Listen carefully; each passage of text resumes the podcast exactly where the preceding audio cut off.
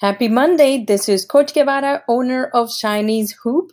I hope you're having a wonderful Monday. You're having a good start of the week. Just wanted to let you guys know that you can support this podcast. If you click on my profile, you can support it. If you like any of the information I provided you guys in regards to basketball, in regards to my basketball business, any drills or skills, or any fundamentals that you liked and you would like to share with your friends and family. So just letting you guys know you can support this podcast. If you like any information I provided you guys in as as a coach, as a trainer and teacher, you can support this podcast. I will greatly appreciate it. Once again, this is Coach Guevara. I hope you have a good Monday. Bye.